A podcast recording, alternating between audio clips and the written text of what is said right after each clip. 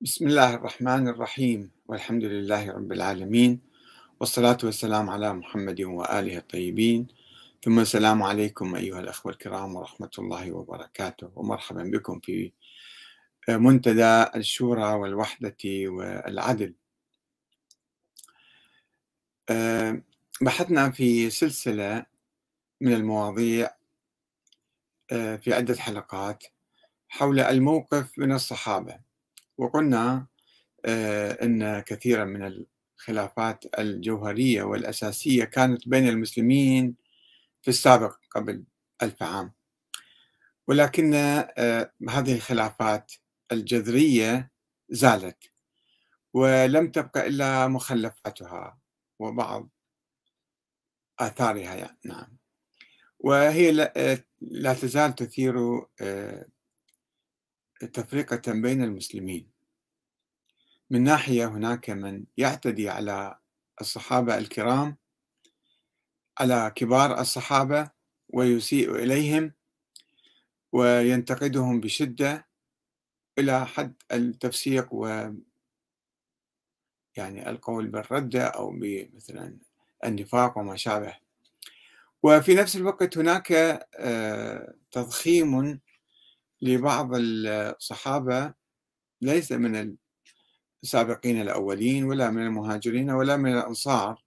ولكن بعض الصحابة الذين اقترفوا بعض الذنوب والأخطاء والجرائم حتى. الدفاع عنهم دفاعا مستميتا وأي واحد ينتقدهم أو يقرأ تاريخهم أو مثلا يحاول أن يحلل أعمالهم يتهم بال الكفر والزندقة والخروج عن الإسلام. وهذا نوع من التطرف أيضا وهو آه، يشق عصا المسلمين. على قضايا تاريخية شخصية. فلان واحد كان مثلا خوش آدمي ولا مو خوش آدمي؟ قضية تاريخية شخصية.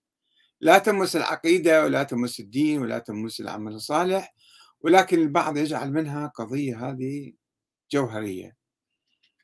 و يبتعد عن أخوانه المؤمنين ويكفرهم الآن لأنه هو يدافع عن شخص معين بالتاريخ. هذا أيضا مو معقول ومو صحيح. أه أخي يقول أريد أن أرسل لك رسالة. أرسلها هنا يا أخي العزيز. وفي أيضا تليفون و آه، واتساب بإمكانك ترسلها. على الواتساب أمامك الواتساب موجود. فإذا نحن نتابع الحلقة الجديدة آه، موقف أهل السنة أو الحنابلة بالحقيقة لأن كلمة أهل السنة كانت تطلق على الحنابلة لا تطلق على جميع من يسمون أهل السنة اليوم. تحدثنا في الحلقات السابقة عن الرؤية القرآنية لتقييم الناس سواء كانوا أنبياء أو صحابة أو أهل بيت أو ناس عاديين. القرآن يقيمهم على أساس آه، الإيمان والعمل الصالح. لا يقيم لا يقيم الناس على أساس القرب من هذا أو ذاك ورؤية هذا النبي أو ذاك. ما في هذا مو قيمة أساسية بالإسلام إنما هي بدعة بالحقيقة. بدعة ابتدعها السياسيون آه، وروجوا لها وجعلوها جزء من الدين يعني. وأيضا آه، ما ترتب على ذلك أن هؤلاء الصحابة آه، كلهم عدول فكل ما قالوا هو صحيح. كل ما رووا روايات عن النبي قال رسول الله يعني صار مية بمية قال رسول الله. مو أنه هذول يكذبون أو كانوا وعاء سلاطين أو يؤلفون روايات لا هذا ما يصير. فلذلك هناك موقف من أهل الحديث الحنابلة أو السنة أنه كل ما روى إذا صحابي قال كلاما يعني هذا مية بمية صحيح صار بعد كأنه آية قرآنية. نحاول نبحث هذا الموضوع ونفككه يعني هذا موقف قرآني أو قائم على السنة والعقل أم لا؟ اجتهاد اجتهاد سياسي وقد يكون بدعي أيضا في نفس الوقت. فما يجوز إحنا نتمسك فيه إلى يوم القيامة.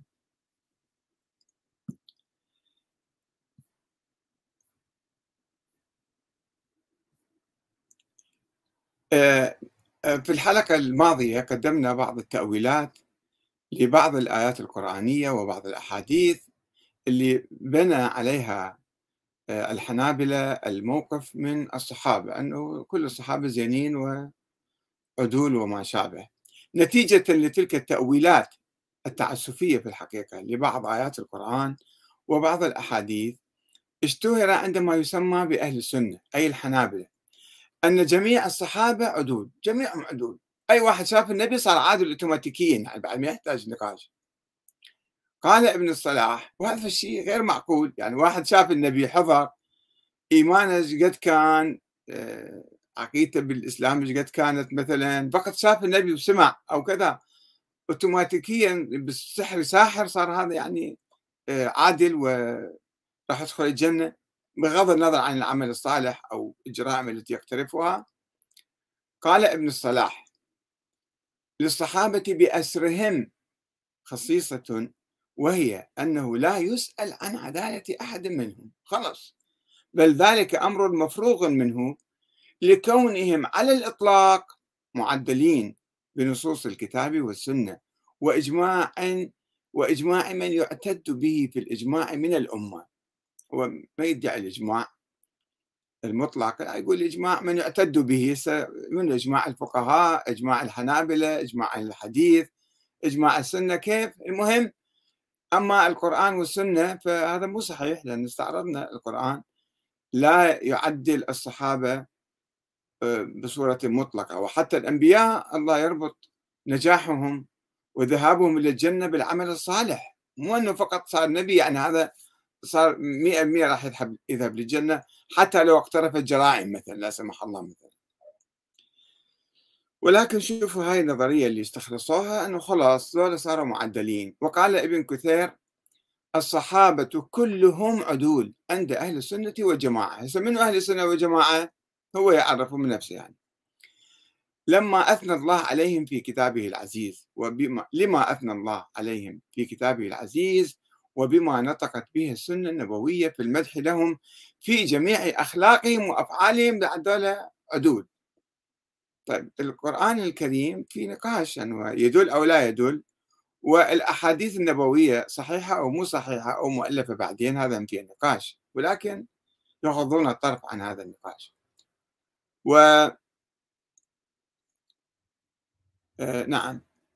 وقال ابن بطة أنه آه يشهد لجميع المهاجرين والأنصار بالجنة والرضوان. آه يقول عن المهاجرين والأنصار مو كل من رأى النبي ثم ترحم على جميع أصحاب رسول الله صغيرهم وكبيرهم وأولهم وآخرهم وذكر محاسنهم ونشر فضائلهم والاقتداء بهديهم والاقتفاء لآثارهم.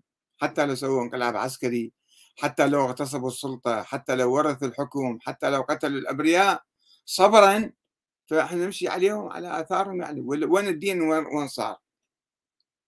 الدين وين صار؟ إذا صار هو صحابة وعمل الصحابة هو دين. فالدين وين راح يروح؟ وإن الحق في كل ما قالوه والصواب فيما فعلوه. بعد ما في نقاش يعني. كل ما اسمه يعني معصومين صاروا.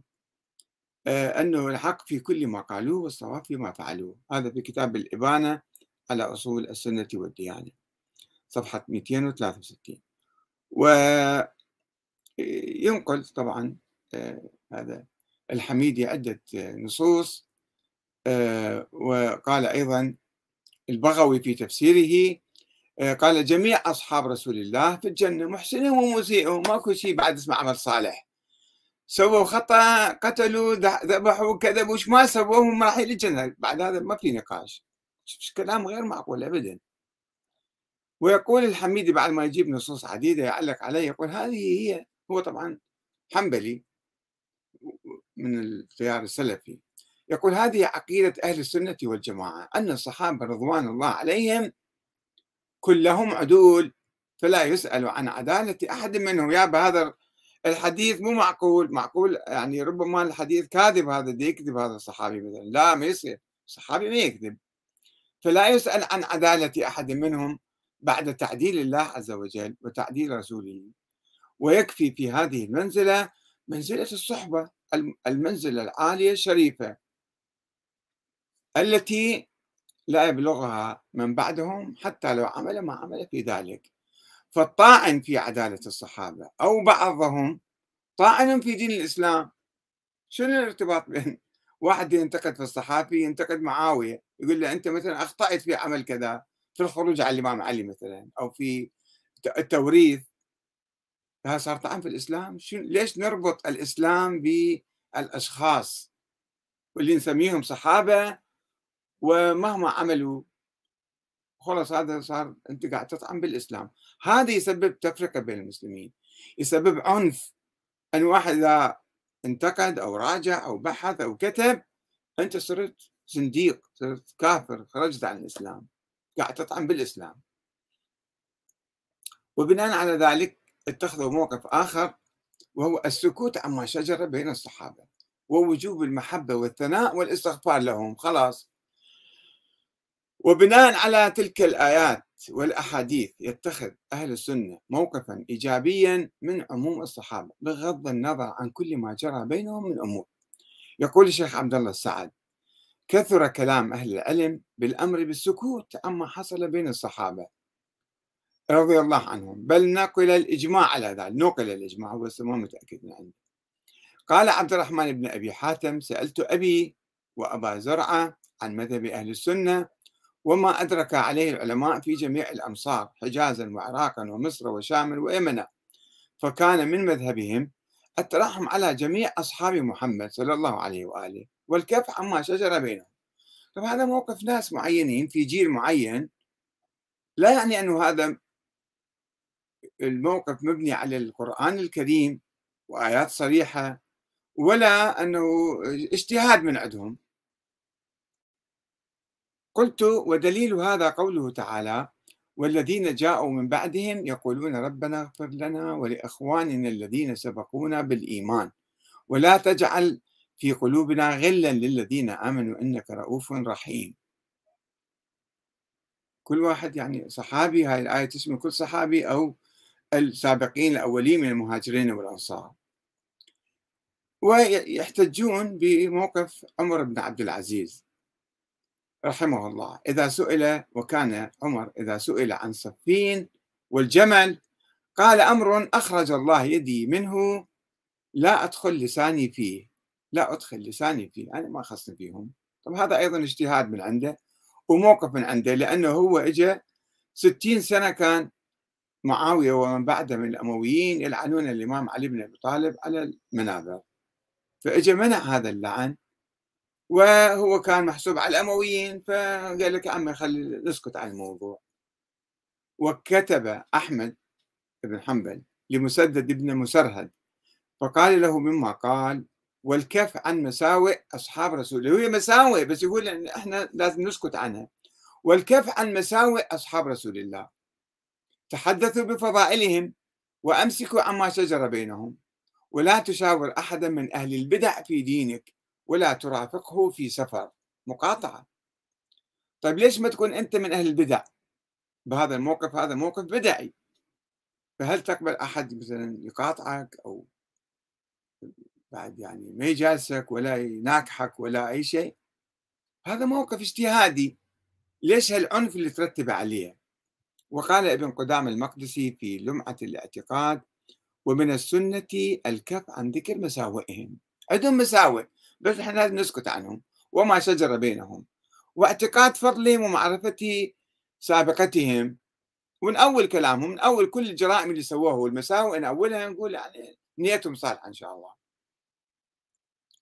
وقال ابن تيمية في العقيدة الواسطية ويمسكون عما شجر بين الصحابة ويقولون إن هذه الآثار المروية في مساوئهم منها ما هو كذب ومنها ما قد زيد فيه ونقص وغير عن وجهه الصريح والصحيح والصحيح فيه معذورون. يقول هسه أكو أخبار يعني كذب وصحيحة وكذا والصحيح فيه معذورون نعذرهم.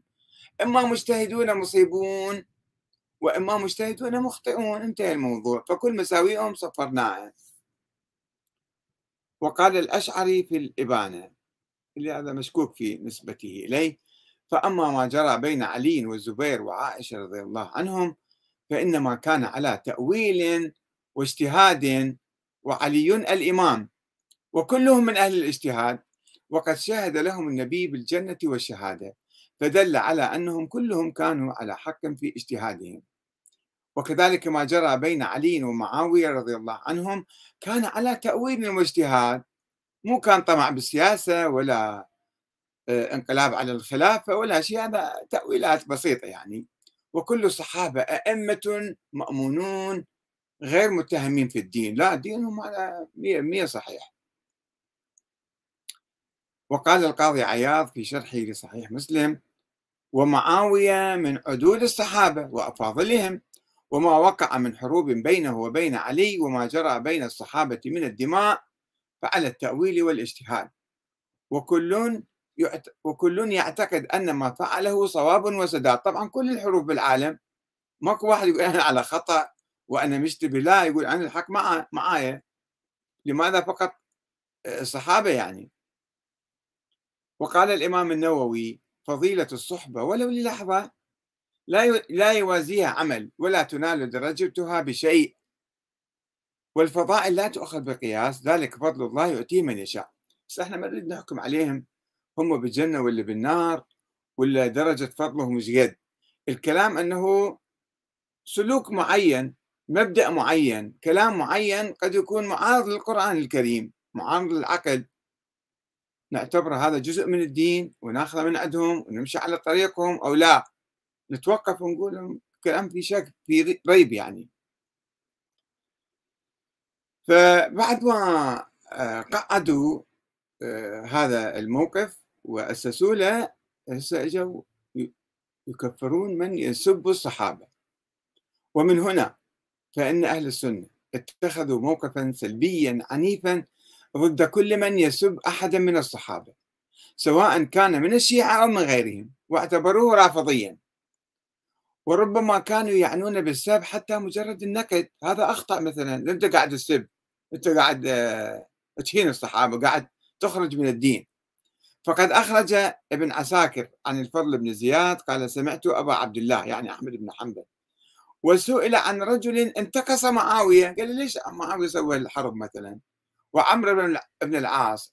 أيقال له رافضي شو نسميه هذا الرجال اللي هو مو شيعي يعني بس انتقص معاوية.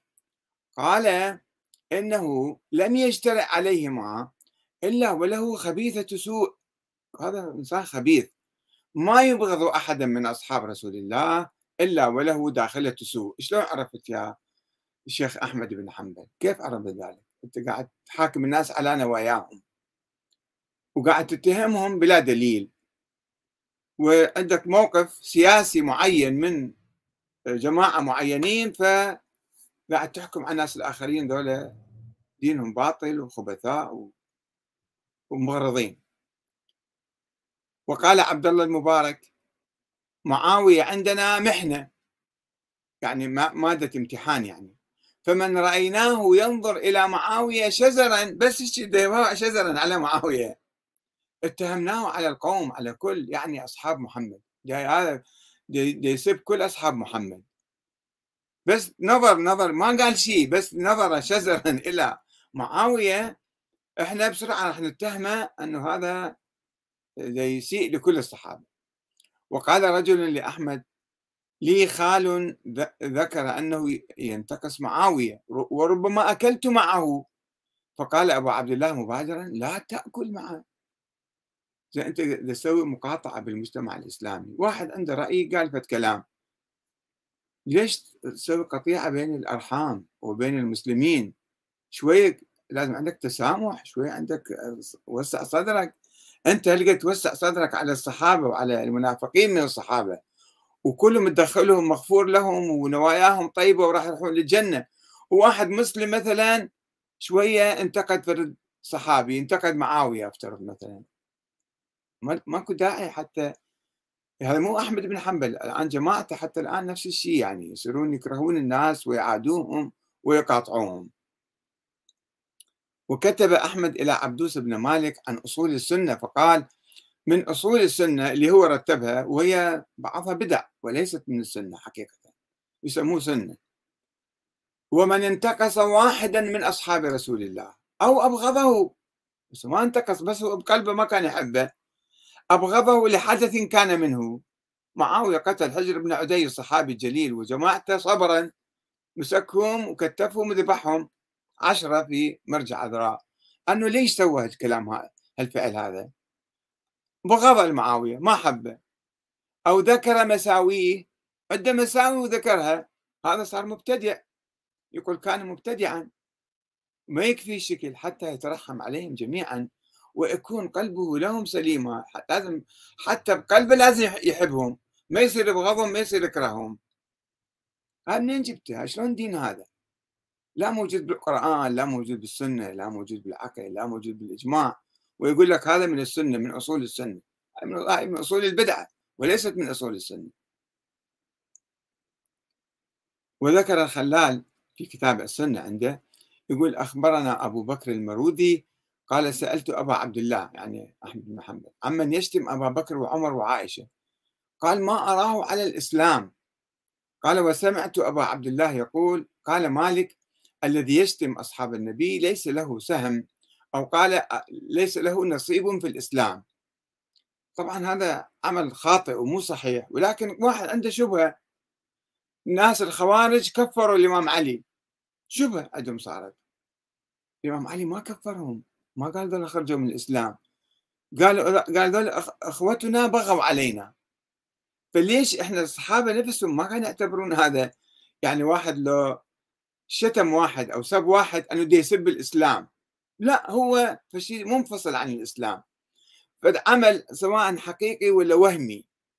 مثلا بعض الشيعة الذين يعتقدون أن مثلا أبو بكر وعمر اقتحموا بيت الزهراء وكسروا ضلعها وأسقطوا جنينها. هذا شيء وهمي مو حقيقي. وبناء على ذلك قد ينفع الواحد ويسب أو يلعن. هو مو دي مو مو دي يعادي الإسلام مو دي يحارب النبي محمد أو دي يكفر بالإسلام. دي يتصور هذا الشخص قام بهذا العمل الوهمي في في ذهنه وهو من حبه للإسلام حبه لأهل البيت يتخذ موقف عنيف. وهذا مو صحيح ولكن أنا مو أيده. ولكن أقول ما نجي نقول هذا صار يعني ليس له نصيب في الإسلام مثلا. هذا عنف يصير عنف وتكفير يؤدي بنا إلى التكفير ويؤدي إلى القطيعة والفرقة بين المسلمين. وقال أيضا أخبرني عبد الملك ابن عبد الحميد قال سمعت أبا عبد الله آه، قال من شتم أخاف عليه الكفر مثل الروافض صاروا كفار ذولا ثم قال من شتم أصحاب النبي لا نأمن أن يكون قد مرق عن الدين أصلا هذا شتم أي إنسان مو صحيح وشتم الصحابة مو صحيح. والشتم والإساءة إلى أي واحد مو صحيح.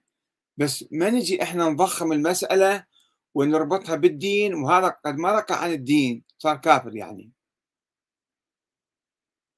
وقصص كثيرة وروايات كثيرة هو يرويها الأخ الحميدي يقول آه، سألت أبي عن عبد الله بن أحمد بن حنبل قال سألت أبي عن رجل شتم رجلا من أصحاب النبي فقال ما أراه على الإسلام؟ وقال أحمد بن حنبل إذا رأيت أحدا يذكر أصحاب رسول الله بسوء فاتهموا على الإسلام. يقول دينك أصلا باطل أنت مو مسلم. وقال أبو زرع الرازي إذا رأيت الرجل ينتقص أحدا من أصحاب النبي أحد واحد فاعلم أنه زنديق. حكم عليه صار زنديق. وقال إسحاق بن راهويه من شتم أصحاب النبي يعاقب ويحبس. وقال القاضي أبو يعلى الذي عليه الفقهاء في سب الصحابة إن كان مستحلا لذلك كفر وإن لم يكن مستحلا لذلك فسق شوية خفف الدرجة. وقال ابن تيمية من زعم أن الصحابة ارتدوا بعد رسول الله إلا نفر قليل لا يبلغون بضعة عشر نفسا أو أنهم فسق فسقوا عامتهم فلا ريب في كفره. بس ما يحتمل ابن تيمية أن هذا عنده شبهة مثلا؟ وخلي شوي ننظر في شبهته ونشيل الشبهة عنه لا خلص هذا فلا ريب في كفره صار كافر. وطبعا ابن تيمية كما تعرفون رأسا يجر السيف ويقطع رأسه وقال ابن عابدين من سب الشيخين أبا بكر وعمر أو طعن فيهما كفر ولا تقبل توبته. بعد هذا أصلا توبته ما تقبل. هاي مواقف يعني علماء أهل السنة أو الحنابلة بالخصوص ولا غرابة بعد ذلك في أن يتساءل الشيخ الحميدي قائلا فهل بعد هذه الآيات التي بين ربنا فيها رضاه وتوبته على هؤلاء الصحابة يتجرأ على سبهم إلا كافر كالرافضة أو زنديق أو مبتدع ضال؟ طبعا هنا صار يخلط الآيات ما تقول للصحابة ما يقول الله كل الصحابة صاروا كلهم خوش أوادم. هو لا إذا أنت انتقدت واحد من عندهم فأنت صرت كافر وزنديق ومبتدع ضال. آه، ولا يكتفي الحميدي بالهجوم على من ينتقد معاوية وإنما يشن هجوما لاذعا على من يطعن في إسلام أبيه أو يشك فيه. أبو سفيان اللي حارب النبي إلى فتح مكة وأسلم آه، يعني تحت السيف ويقول من طعن في إسلام أبي سفيان أو شك فيه شك حتى لو شك يعني يقول والله هذا معقولة أبو سفيان أسلم حقيقة لو أسلم تحت السيف أو شك فيه فهو ضال عن الصراط المستقيم مخالف لإجماع الأمة يا أمة. والنصوص الواردة في ذلك وقد شهد مع رسول الله حنين وسمى الله من كان مع النبي يوم حنين مؤمنين قال تعالى لقد نصركم الله في مواطن كثيرة ويوم حنين إذا أعجبتكم كثرتكم فلم تغن عنكم شيئا وضاقت عليكم الأرض بما رحبت ثم وليتم مدبرين. يعني شوفوا آه، الآيات العامة المطلقة يعمموها والاستثناءات الموجودة بالقرآن أيضا يهملوها ويغضون الطرف عنها حتى يعدلوا جميع الصحابة جميع من رأى النبي. ولكن في نفس الوقت خلينا نشوف هذا موقفهم مطلق. يعني ضد كل واحد يتكلم عن الصحابة أو لا بس اللي يتكلم على معاوية. أما لو واحد يتكلم على الإمام علي أو يتكلم على أبو ذر أو يتكلم على عمار أو يتكلم على لا هذا حلال جائز. هذا يسبوه يلعنوه مو مو مشكلة يعني. الانتقائية في التكفير. ومن الواضح أن النظرية السنية حول الصحابة. جعلت منهم مادة دينية رغم أنهم بشر مو جزء من الدين هم. في حين أنهم لم يكونوا يشكلون جزءا من العقيدة الإسلامية. ولكن تبلور تلك النظرية في وقت متأخر خاصة في القرن الثالث الهجري جعل موضوع الصحابة أهم فاصل بين المسلمين. اللي ينتقد الصحابة يصير زنديق واللي لازم يحب الصحابة حتى في قلبه حتى المنافقين من عندهم حتى المجرمين. ورغم أن نظرية تعظيم الصحابة إلى تلك الدرجة التي ترفعهم إلى درجة العصمة وحتمية غفران الله لذنوبهم وإدخالهم الجنة كلهم وعدم دخولهم النار هذه كانت نظرية حادثة اجتهادية في القرن الثالث الهجري. إلا أنها شوف المصادر اللي تذكرها كلها في القرن هذا بينما إحنا شفنا الصحابة نفسهم ما كانوا يعرفون هاي النظرية التابعين ما كانوا يعرفوها. ولكن بعدين ورا 200 300 سنة نشأت هذه لظروف سياسية وصارت كأنه هذا حقيقة دينية مطلقة. إلا أنها لم تكن تستند إلى نص صريح من القرآن الكريم وإن كانت تؤول بعض الآيات ولكنها كانت تغفل آيات أخرى مقيدة للأولى تمدح الصحابة؟ أو مخصصة لها أو حتى مناقضة لها لبعض المفاهيم يعني. وكذلك لم تكن تستند إلى نصوص نبوية قطعية ومتواترة ما عدا بعض أخبار الآحاد الضعيفة والمشكوك فيها ولكن إحنا نسويها عقيدة.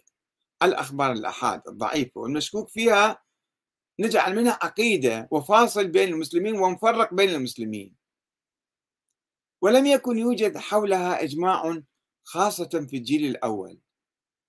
ومع ذلك فإنها شكلت مادة للحكم على كثير من المسلمين بالكفر والضلال وغطت على كثير من القواسم المشتركة الرئيسية بينهم. ما يعترفون؟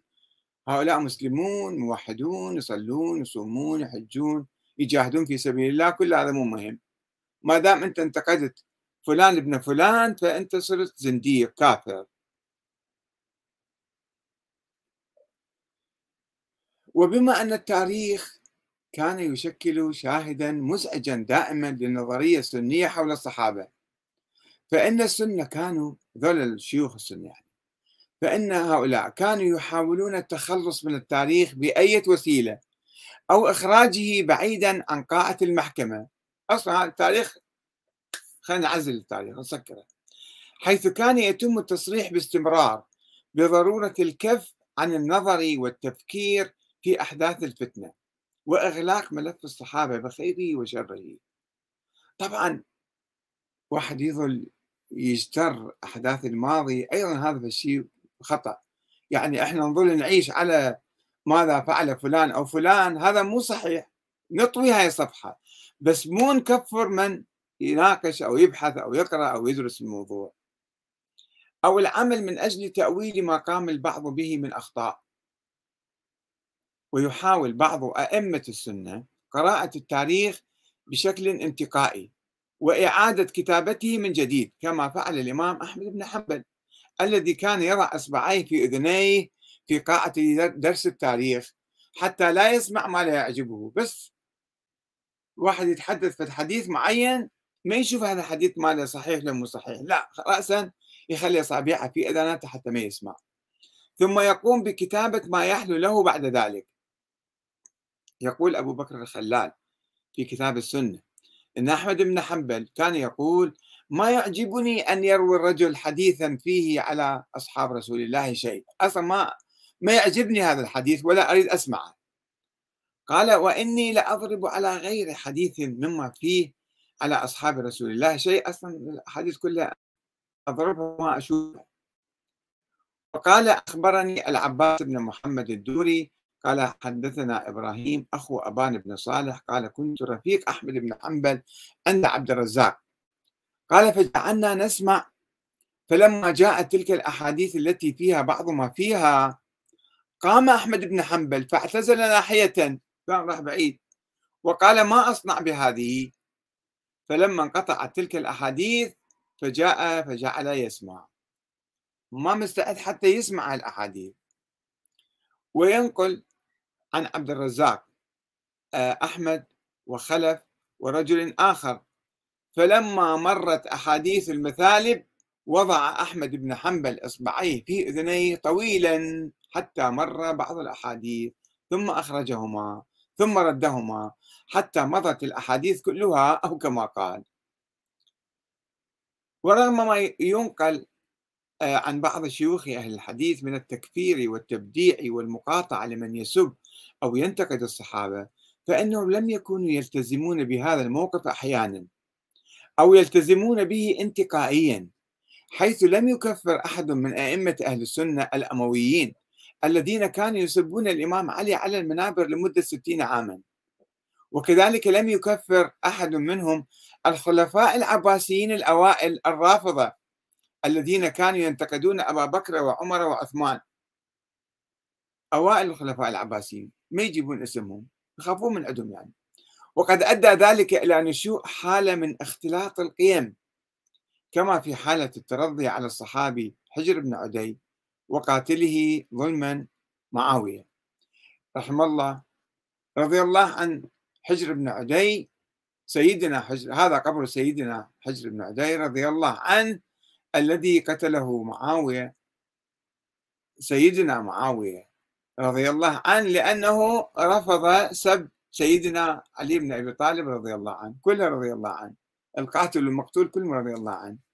حسب ما تقول هذه العبارة التي توجد على قبره إلى اليوم. ويمكن ملاحظة التناقض والانتقائية بوضوح في سياسة الخليفة العباسي المتوكل المتشددة تجاه من يسب الصحابة إذ يقال أنه ضرب شخصا ألف صوت حتى الموت وأمر بإلقاء جثته في دجلة بلا صلاة بتهمة سب الصحابة. ولكنه شخصيا لم يكن يتورع عن سب الإمام علي والاستهزاء به والسخرية به في مجالسه أمام الناس.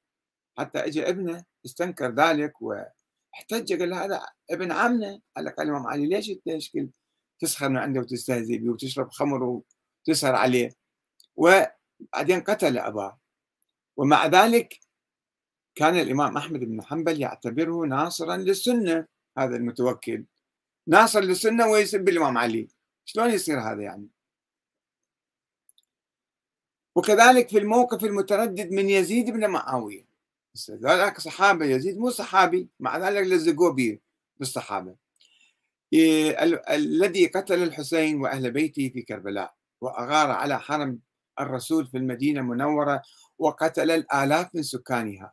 بما فيهم العشرات أو المئات من الصحابة من المهاجرين والأنصار وأبنائهم الأخيار في واقعة الحرة الشهيرة والترضي على يزيد بن معاوية بحديث مختلق حديث أخبار حاد مختلق يشهد له أو لمن غزا بالمغفرة أي واحد يغزو فلان غزوة هذا الله يغفر له ذنبه. كل الجرائم سواها يزيد يمحوها بحديث واحد. ولا يجد الذهبي مثلا مبررا لإدانة يزيد بن معاوية على جرائمه الكثيرة المنكرة.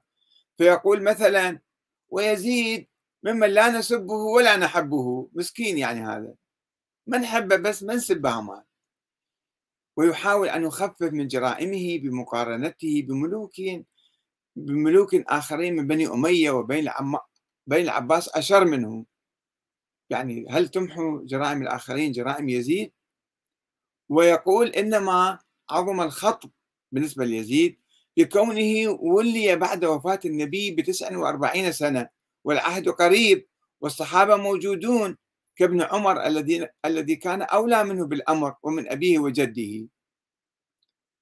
بس يعني هم ما تبرر لك عمل يزيد هذا. مثل ما الآن الحكام شوفوا الآن الحكام الموجودين عندنا مهما اقترفوا من جرائم وقتل وحروب ومذابح شوفوا وعاظ السلاطين دائما يبررون أعمالهم.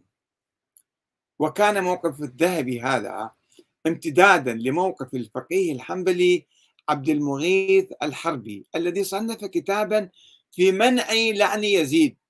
ما يصير واحد يلعن يزيد ممنوع. ألف كتاب على موضوع. ولكنه بالطبع لم يكن يمثل موقف عامة السنة أو الحنابلة حتى الذين وجد فيهم من يجاهر بلعن يزيد.